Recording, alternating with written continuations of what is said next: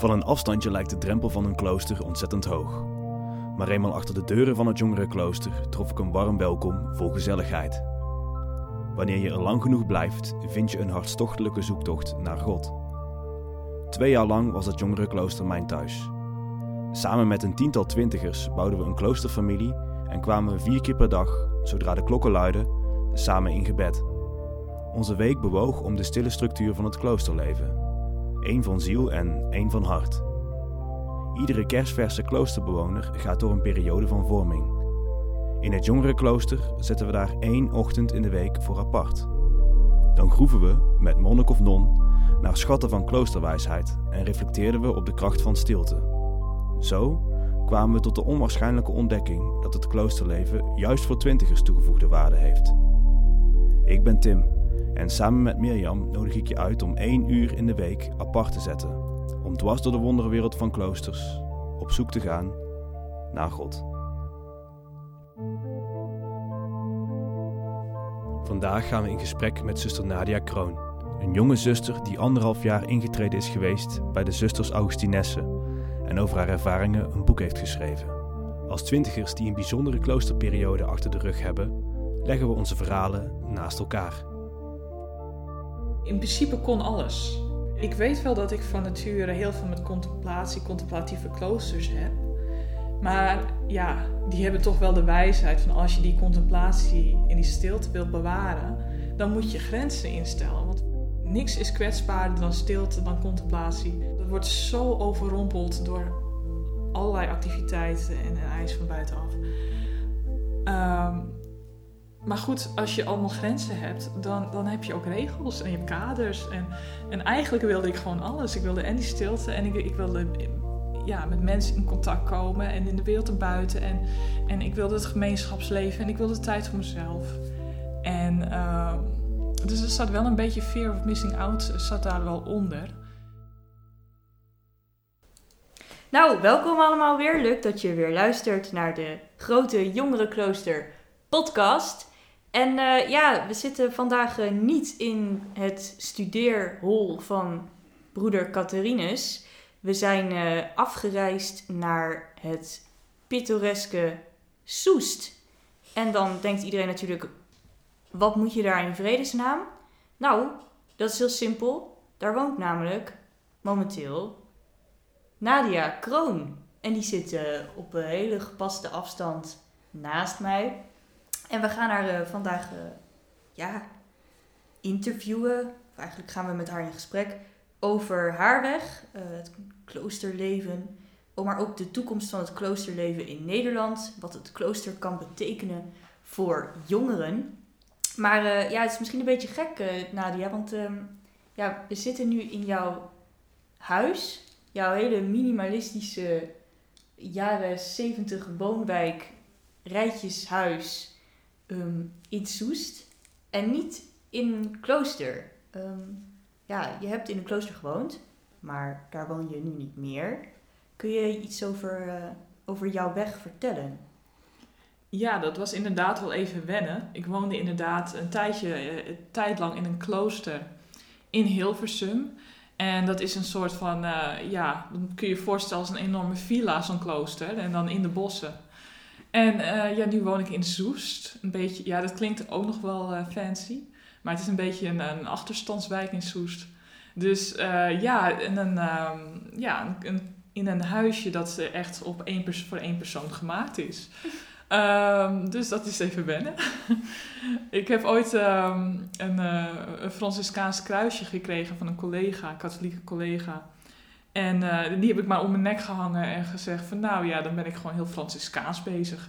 Dus we hebben even een stapje terug. En, uh, en ja, en ik moet wel zeggen dat inmiddels ben ik hier ook wel goed gewend. Is het fijn wonen hier. en het was nodig. Ehm, dus ik ben anderhalf jaar ben ik ingetreden geweest bij de Augustinessen van Sint Monica in klooster Casella.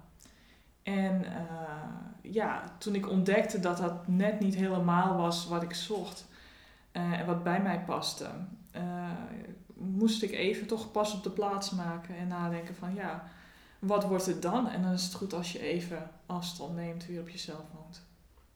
Ja, en jouw inrichting is ook heel eh, kloosterlijk, minimalistisch, om het maar zo te zeggen. Excuus dat wij daar met al die draden en eh, doosjes met knipperende lampjes en spelendingetjes eh, naar binnen gewalst eh, zijn.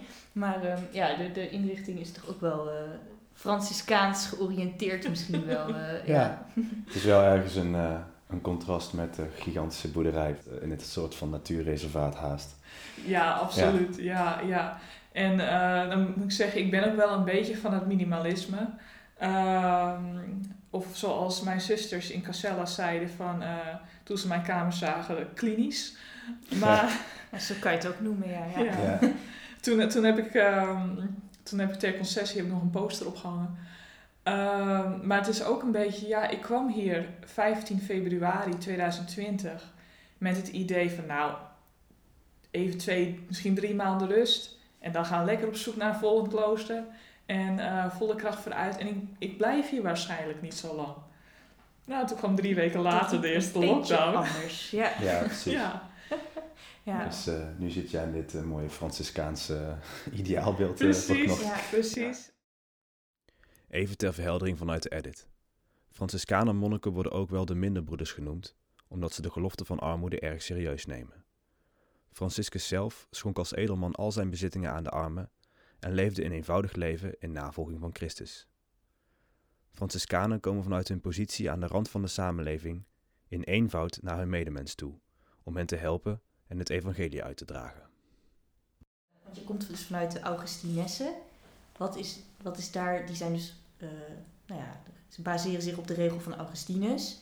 Wat is daarmee het grote verschil tussen de Franciscanen en de Augustijnen? Het grootste verschil is ehm, de, ja, de nadruk op armoede is sowieso minder. Dus, dus Augustinus die, die at met zilverbestek. En v- verder leefde die wel op zich eh, relatief sober hoor, maar het lag gewoon veel minder nadruk op. En ehm, ja, in Casella ook. Lag daar minder nadruk op en meer nadruk op, eh, op gemeenschap, op, op onder de mensen zijn. En dan kon je ook gewoon wel eens ja, niet, overdadig, maar je kon wel eens uitpakken voor je gasten, weet je wel. En, eh, gewoon eh, koekjes en, snoepjes en gebakjes op tafel zetten. En, eh, dus daar lag gewoon de nadruk op. En ja, zoals ik al zei, het klooster waar we in woonden was ook gewoon mooi. Ja, en zonder dat, dat, dat, je het overdrijft hoor. Maar ik bedoel, mijn, hun kleren en mijn kleren kwamen ook gewoon van de kringloopwinkel. Maar het is een nadruk op gemeenschap en op gastontvangst en op onder de mensen zijn. En, eh en Franciscanen zijn ook heel graag onder de mensen. En persoonlijk oriënteer ik me dan meer op eh, de Clarissen. Die wat meer eh, een contemplatief leven leiden. Dus wat meer op gebed gericht, wat meer intern in het klooster. Ja, dus momenteel ben jij je echt aan het oriënteren op, is, is dat misschien mijn nieuwe, nou ja, mijn volgende stap? Ja, ja ik, ik, ori- ik oriënteer me op eh, diverse kloosters. En dan kijk je natuurlijk ook van, eh, nou ja, sowieso wat is mooi, wat past bij mij. En, en wat is levensvatbaar ook voor de toekomst. Dat is een vraag die je als jongere, relatief jongere, eh, onherroepelijk moet stellen. Ook al klinkt die heel berekenend. Ehm, en de Clarissen hebben op dit moment ja, vier dertigers en dan nog een paar veertigers. En, ehm, en eh, ja, en nog een paar andere orders hebben, dat, hebben ook nog wat jongeren. En eh, nou ja, dan ga je eens kijken van, goh, eh, ja, hoe steekt die gemeenschap dan in elkaar verder?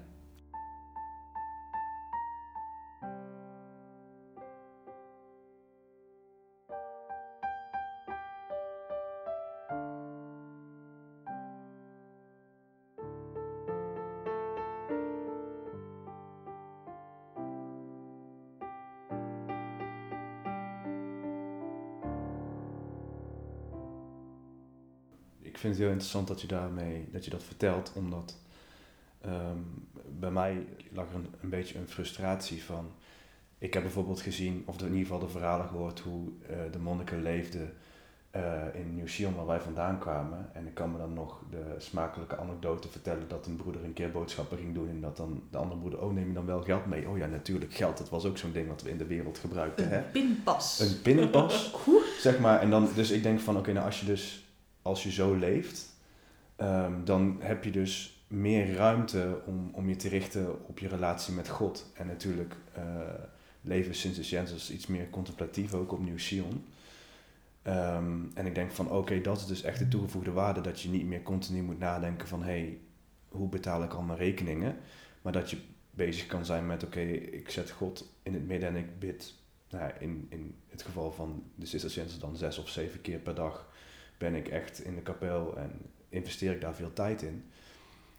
Uh, dus ik, dat, was voor mij een groot voordeel uh, van, het, van het, het leven in een klooster. Um, maar als ik dan inderdaad weer net de realistische blik iets meer kijkt, krijg, dus als ik met broeders die Franciscaan zijn al praat of met, met broeders die in andere orde zijn, dan kom ik al snel op het gesprek van, oh, en dan als we het over koetjes en kalfs hebben, oh, en hoe gaat het dan? Ja, ja, ja, we moeten nu toch echt wel beslissingen maken met de orde, want we kunnen zo misschien net nog tien jaar door, maar dan, dan is de koek echt op. En, uh, want we zijn ook ouder aan het worden en er komen steeds minder aanmeldingen, dus we hebben simpelweg te weinig inkomsten. Uh, en ik denk, toen dacht ik weer van, hé, hey, dat was nou juist voor mij niet uh, de reden om, om, om te denken van, wow, een klooster, dat gaat goed. Het was voor mij juist het idee dat je, dat, dat je die zorg niet meer had.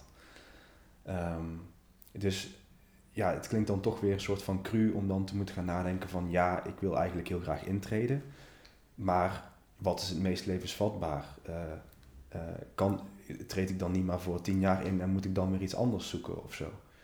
Maar dat is toch een hele, realistische blik die je dan moet hebben. Ja, dat is absoluut een realistische blik. En uh,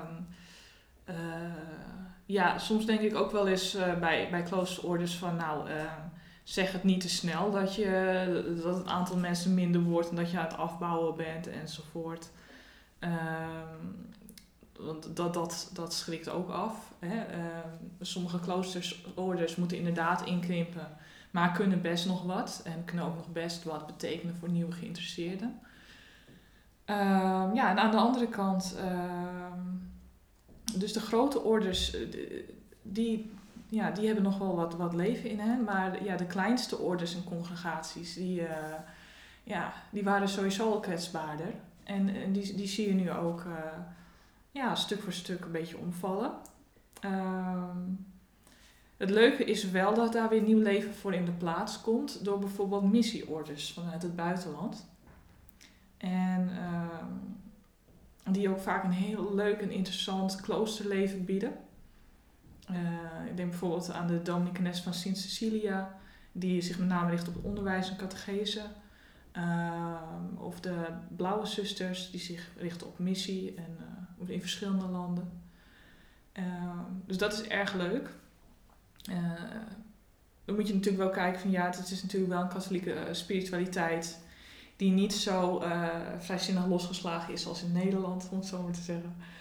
Um, dus dat, dat is dan wel ook weer uh, een uitdaging. Hè? Dus, dus dan, dan is de, een Nederlandse orde met jonge intreders, want die zijn er ook nog wel echt, um, is dan vaak nog wel het makkelijkst. Uh, zeker ook als je als protestant overstapt naar, uh, naar de katholieke traditie. ja. ja, want jij bent zelf protestants. Um, is dat voor jou ooit eh, ook een reden geweest om bijvoorbeeld te denken, nou, dat kloosterleven, dat, uh, dat wordt hem dus niet voor mij? Heb jij dat, ik bedoel, ik, ik ken heel veel mensen die, toen ik op, op Abdij Sion ging wonen, kreeg ik van heel veel mensen te horen van, ja, maar dat is toch, uh, hè, dat is toch hartstikke katholiek, ja, daar ga ik echt niet komen. Maar heb jij dat zelf ook zo ervaren in jouw zoektocht? Paapse fratsen noemde je het volgens mij in je, ja, ja, ja, ja, ja. ja. Ja, ik, ik steek er wel, wel eens graag de draak mee hoor. Maar uh, ja, het is inderdaad. Um, kijk, je hebt eigenlijk van de hele. Uh, heel gechargeerd gezegd hoor. Maar uh, van de 65-plus generatie, zowel bij katholieken als bij protestanten, hoor je het, het relatief het vaakst. Ja, klooster, dat doe je toch niet? En bij, en bij katholieken is dat omdat ze het beeld hebben van de strenge kloosters van vroeger. En uh, er zijn ook heel veel katholieken positief over, ook ouderen en zo, protestanten ook. Maar als je toch kritische stemmen hoort, dan is het meestal van die generatie. En bij protestanten eh, eh, ouderen is het toch, ja, van, dat hoort niet bij onze traditie. Dus eh, dat is toch eigenlijk dan niet goed. Om een of andere niet helemaal uitgewerkte reden. Ehm, en eh, ja, kijk voor mezelf. eh, ik ben opgegroeid in eh IJmuiden. En dat is echt het, ja, het seculiere Noord-Holland. Met drie, ik denk dat 3% van mijn leeftijdsgenoten christelijk waren. En dan ga je echt niet denken van, oh, maar bij welke traditie hoor jij dan? Kan, ik- vind ik jou wel een leuke christen? Nee, dan denk je van, oh, wauw, een christen. Oh, ben je Ja. ook christen? Dat wist ik niet. Wat, wat interessant. Eh, zeker al- toen je nog, zeker dat, ehm, vanuit het feit dat ik als tiener ook nogal godsdienstfanatiek was. Dus eh, eh, voor mij was het wel belangrijk. En, en, ja, en het is gewoon mooi als je, toen, als je dan een andere christen tegenkomt. En, ehm, eh, want voor het eerst, de eerste ervaring die ik had met dat je als christenen echt, ja, met een grote groep bent, was op de EO Jongerendag. Nou, dan was ik al eh, Ja.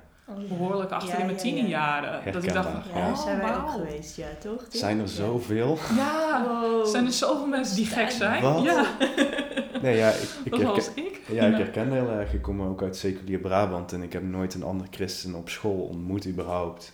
Ja, Ehm, en dan inderdaad kom je op de EO Jongerendag of kom je hier en dan is het normaal dat je over dit soort onderwerpen hebt en dat het gewoon een groot onderdeel is van je leven. En dan sta, ik stond, na de eerste maanden dat ik op Sion was, was stond ik alles helemaal wow, zeg maar, omdat ja, je bent dan bijvoorbeeld, ja, broeder Catharinus die spreekt voor een, voor een gemeente, de 3GK in Deventer met iets van 2000 leden. Nou ja, wij, had, wij hadden er 40 Ongekend. iedere zondag. Ja. Dus ja. ik, ik keek daar van wow, en er zijn zelfs mensen van mijn leeftijd. Wow, Ehm, jongeren.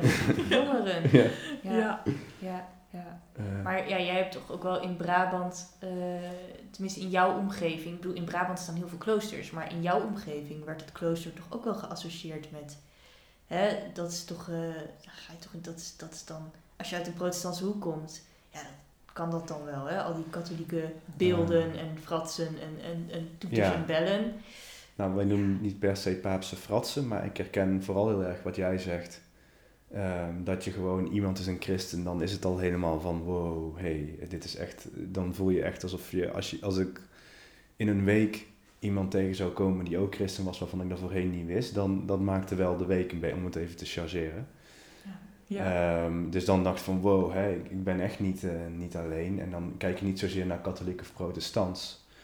Ehm, alleen wat ik, nou ik heb heel beperkte ervaringen waar ik was. Maar vooral de katholieke parochies, die waren eigenlijk aan het uitsterven. En de mensen die ik daar tegenkwam, als je daarmee over het geloof sprak, dan was het eh, heel vagelijk en traditioneel.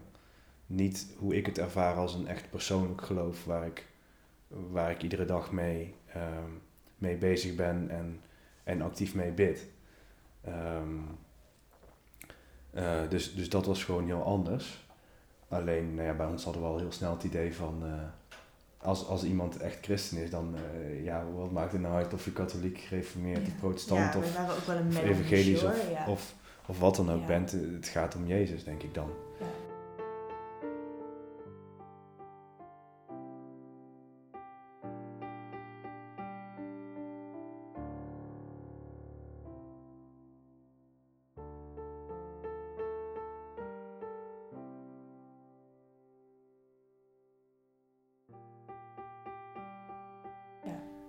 Alleen ik ben nog wel even geïnteresseerd in iets wat je net zei.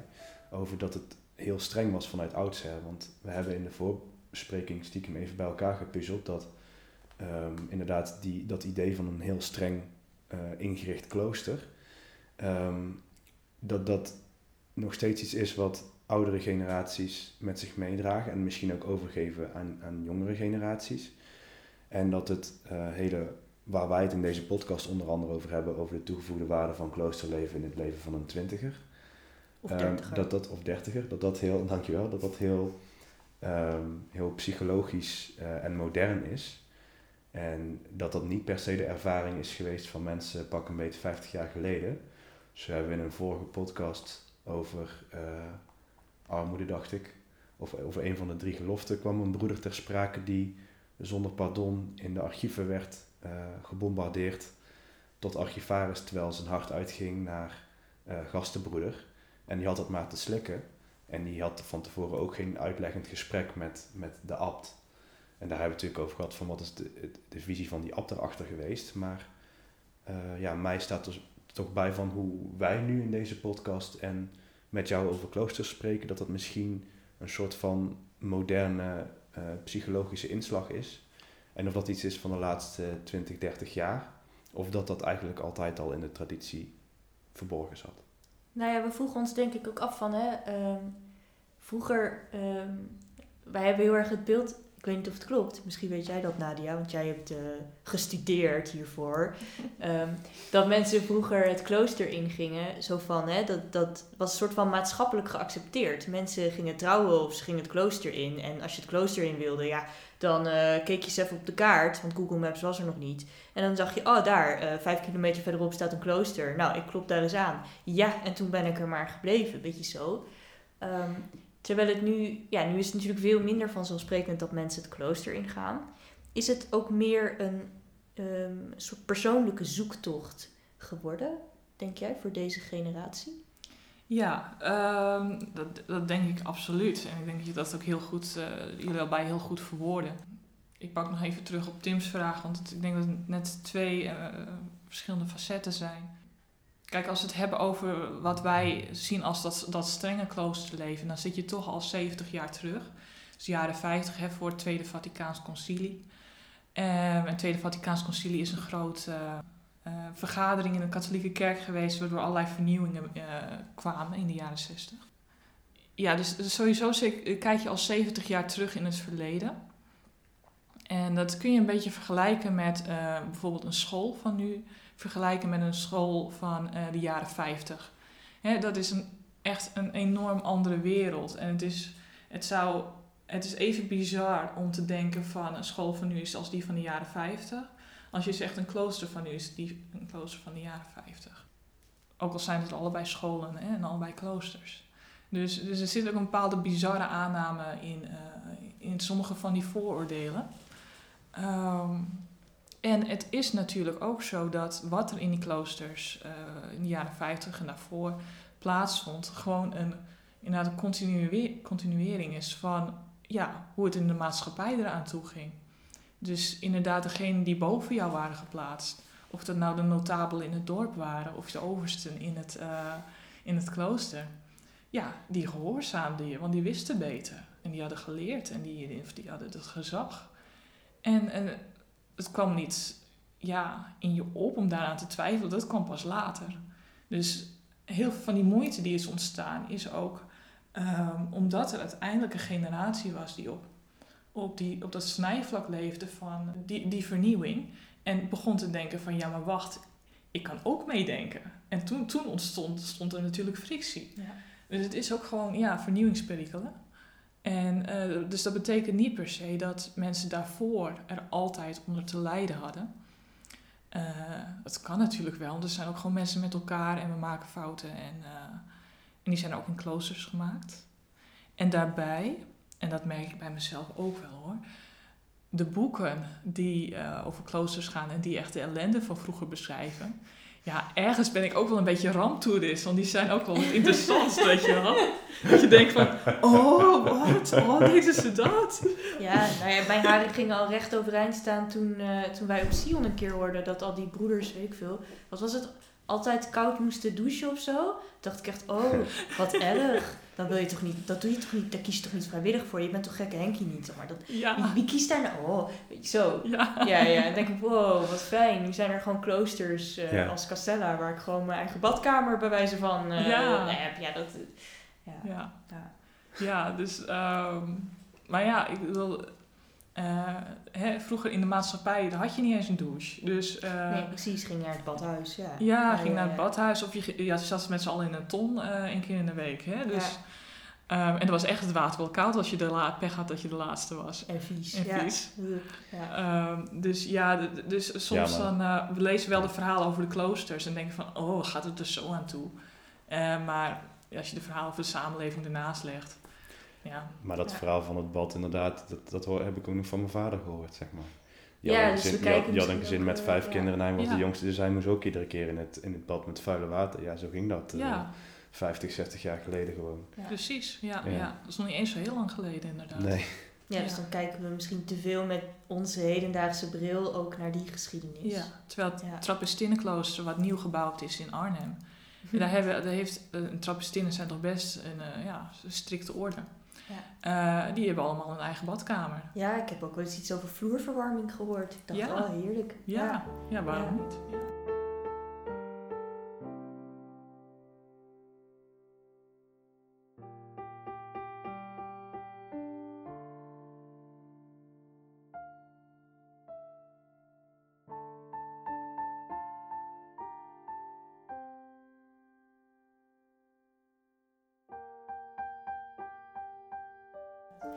Ik denk dat er ook wel iets in zit van, hè, wij, wij zitten natuurlijk ook in onze informatiemaatschappij.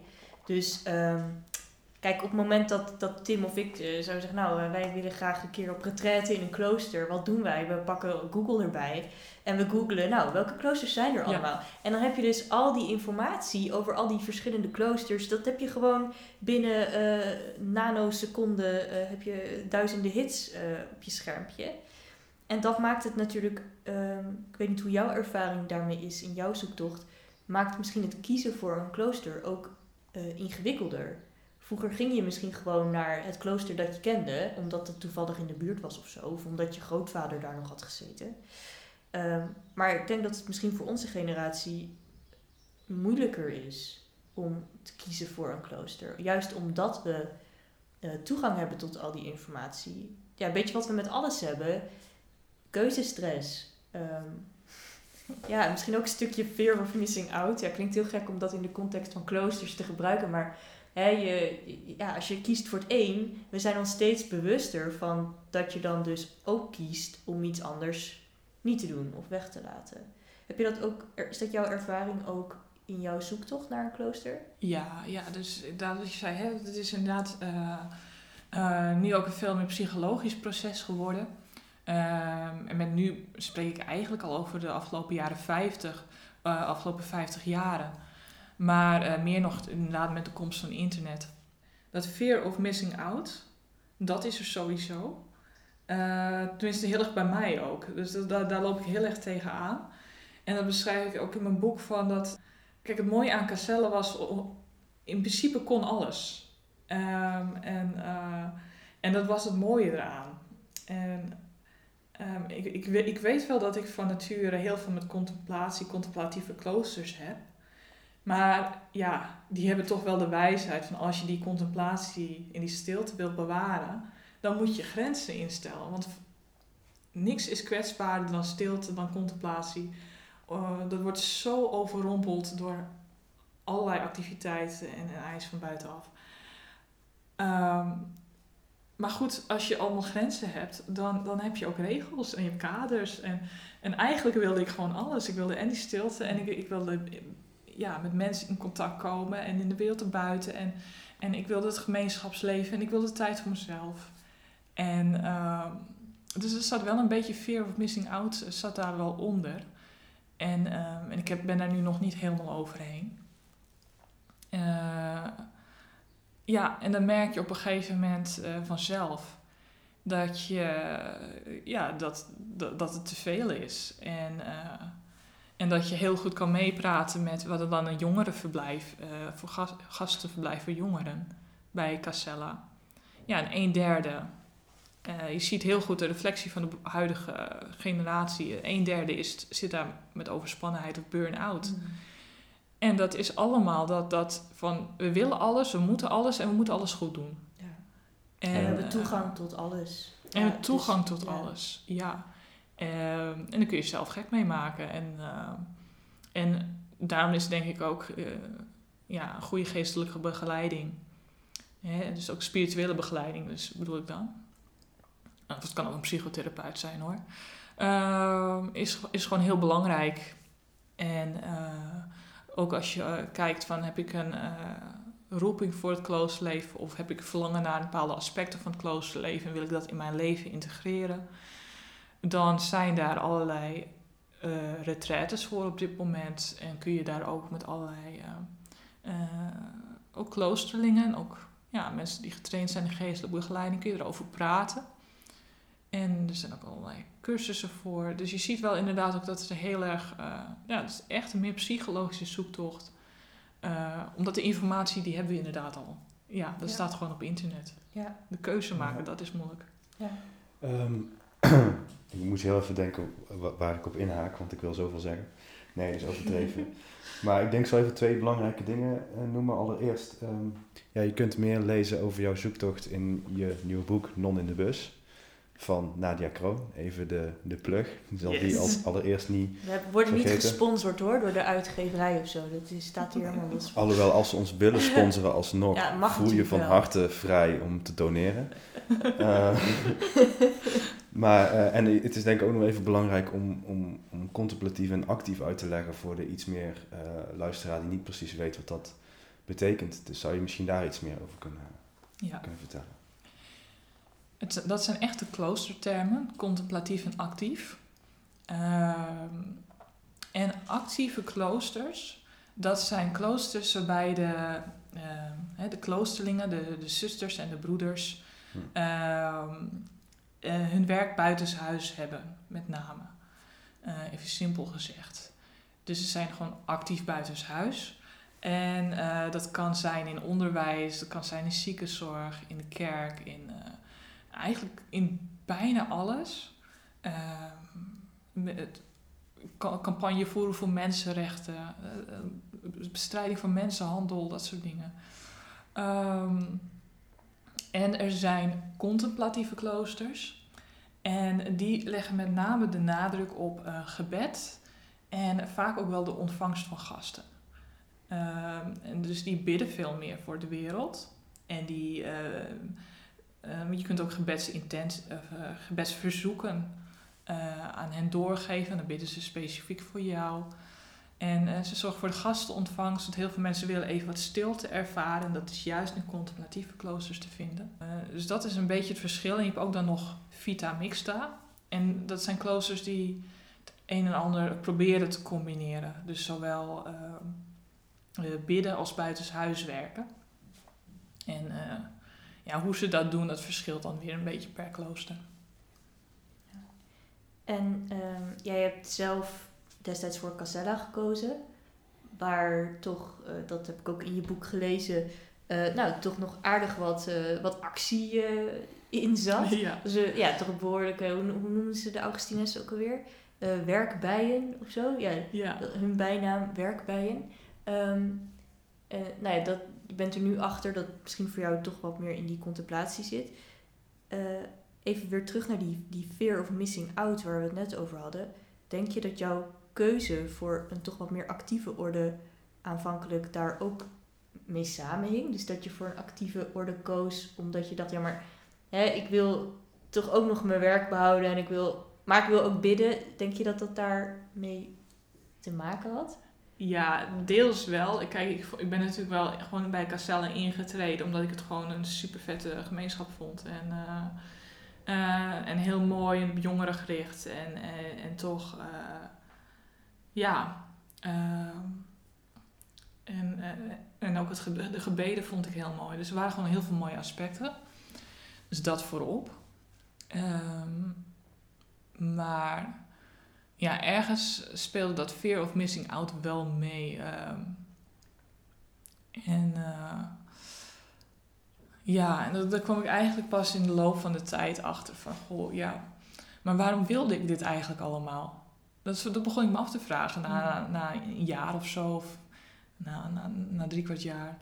Van, ja, maar waarom, waarom wilde ik dit eigenlijk? En, en daar wist ik niet zo goed antwoord op te geven. Waarom wil ik per se buitenshuis blijven werken als ik in het klooster zit? En, en waarom wil ik per se uh, dit kunnen doen en dat kunnen doen en dat? En, uh, en meer en meer kreeg ik echt het idee van... Ik wil, ik wil het allemaal Ik wil vereenvoudigen. Ik wil, ik wil, ik wil tot de kern komen. En toen dacht ik van... Oh, wacht eens even. Dit is precies waarom ik misschien een klooster in. Ja. eh, ja, ja, ja. En, waar, waar, en waarom je in kloosters ook ja, grenzen hebt. En, ehm, en mensen zeggen wel tegen mij als van, ja, maar dan heb je al die regels waar je aan moet houden. En dat is het dus niet. Dat is niet, niet waarom je die regels hebt. Dat, Ja. Het is eh, de ontdekking dat naarmate je langer in een klooster leeft, je behoefte krijgt om ehm, ja, een soort van heilige ruimtes te creëren. Mm, om, ja. om, eh, om te koesteren en, en te, te voeden wat, wat eh, ja, het werkelijk eh, leven geeft in jou. Ja. Dus klooster, ja, kloosters zijn natuurlijk hele radicale plekken. Ik bedoel, het wordt echt wel, zelfs in ons, ja, sorry, klooster light versie, hè, het jongere klooster.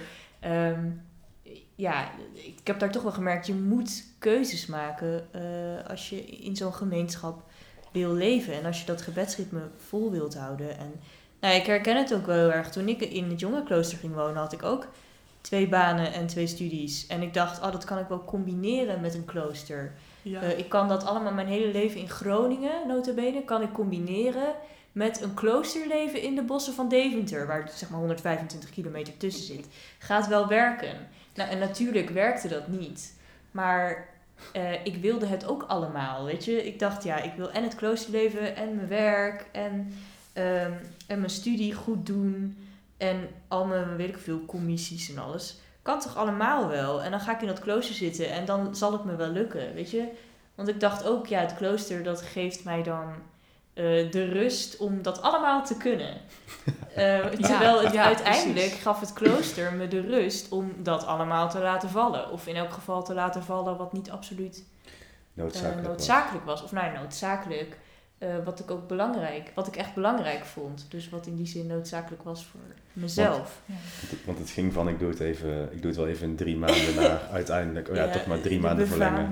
Ja. En uiteindelijk werd het twee jaar. En uiteindelijk wil ik nog steeds heel graag weer, zodra we een huis hebben, in een jongerenklooster wonen. Ja. Ja, En dat vind ik echt heel belangrijk wat je zegt. Van dat, dat, eh, dat je gaandeweg ook zelf ja, eh, die dingen wilde loslaten. Dat, je, Ja. ehm, dat dat verlangen in jou groeide. Van ik, ik, eh, andere dingen zijn belangrijker voor mij. En als ik niet bepaalde dingen loslaat, kom ik nooit bij wat belangrijk voor mij is. ja, Ehm, zonder gelijk he- heel, heel, de heel andere kant op te gaan natuurlijk. Eh, van dat niks meer belangrijk is buiten het klooster om. Maar, ehm, eh, en ik denk dat daar ook de, de, de sleutel zit tot het begrijpen van het kloosterleven. Ehm, want als je alleen kijkt naar, oh die mensen geven dingen op omdat ze streng willen leven voor God. Nee, dat is het dus absoluut niet. Maar Mm. op een gegeven moment merk je van bepaalde dingen vind ik minder belangrijk. En, eh, en dan begrijp je ook eh, bijvoorbeeld de contemplatieve kloosters, waarbij ze ehm, ja, eh, bijvoorbeeld in een slotklooster leven, dus relatief weinig buitenshuis komen. Ehm, dat is allemaal omdat naarmate je daar langer verblijft, ehm, bepaalde verlangens gewoon, gewoon, gewoon minder worden.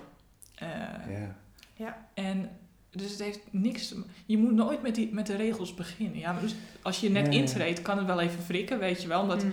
ja, je treedt in een gemeenschap die veel verder Ja. is dan jij. ja. Dus jij zit eigenlijk een soort van. Je komt in een eh, heel snel rijdende terrein als Ja. het ware. Van, je moet even eh, flink wennen. Het is een cultuurschok.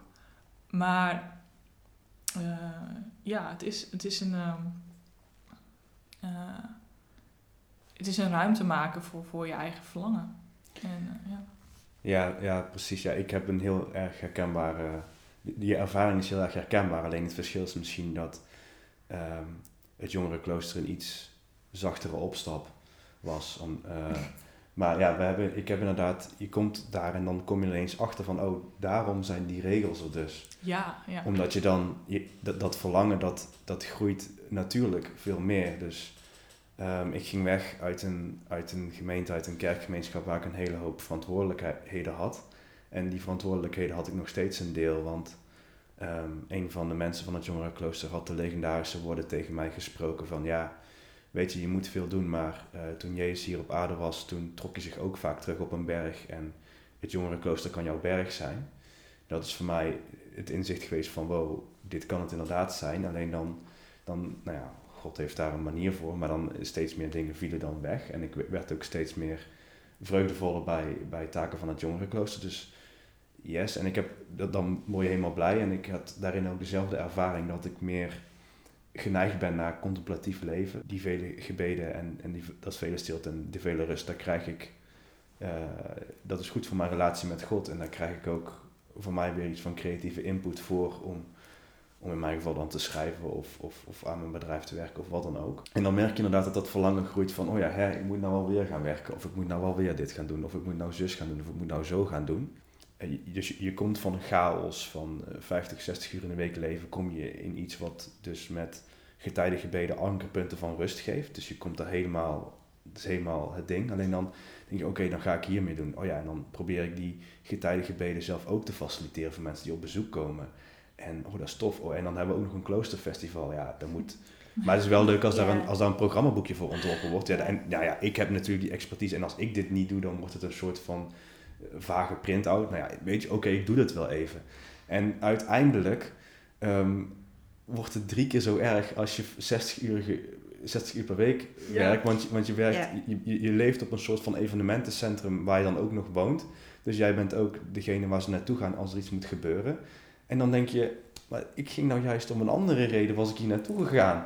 En ik wilde juist zeg maar die rust, want het klooster, de, de belofte van het klooster is er is hier rust. En dan moet je daar ineens uh, een evenementencentrum draaien. Dat is eigenlijk heel negatief, want ik hou, uh, dat is niet de bedoeling, want ik heb echt de tijd van mijn leven gehad uh, daar. En hopelijk vindt hij nu in een nieuwe jongerenklooster nog een nieuwe weg. Maar dat, dat was ook waar wij het van tevoren over hebben gehad, van hoe, hoe waak je daarvoor dat, het, dat je jezelf dan niet weer voorbij loopt, omdat je ziet van, wat jij net ook aangaf, van hé, hey, er komen hier mensen in het gastenhuis met een burn-out en die komen hier net zoals ik. Ik, ik had geen burn-out, maar die komen net zoals ik. Ik denk van, wow, het is hier stil. Ja. Ik, in de stilte heb ik veel meer connectie met mezelf en snap, kan ik God veel beter verstaan. Of uh, wordt bidden veel natuurlijker en veel makkelijker. Uh, kan ik ineens veel natuurlijker bijbelteksten tot me lezen. En denk je van, oh, dit is de droom van iedere protestant bijna. Maar ja, je vervalt dan toch weer in een soort van kerkelijk activisme. En je wordt dan juist weer wat je niet wilde. En daar wouden we misschien nog even, omdat nou ja, daar hadden we zoveel raakvlakken over. In ieder geval je advies of je, of je reactie op, uh, Wat is je advies voor kloosters die ook een soort van fear of missing out hebben? Namelijk, we moeten toch wel mensen blijven trekken en we moeten daarvoor iets organiseren en we hebben iets bijzonders in handen en dat moeten we uitdelen. Als je nou even de, de toekomst van het, van het klooster in Nederland kan samenvatten voor de komende ja. 20 jaar. nou ja, ja, ja. Het wordt steeds erger deze vraag. sorry, sorry. Ik denk, ik, ik maak hem even overdreven. Omdat, ik, uh, nee, ik begrijp het helemaal. Hallo, dit is Tim vanuit de Edit en helaas is het bestand te groot om het in één keer te uploaden zonder dat we de kwaliteit ernstig in gevaar brengen. Daarom hebben we deze podcast in twee gesplitst. Je hebt net geluisterd naar deel 1.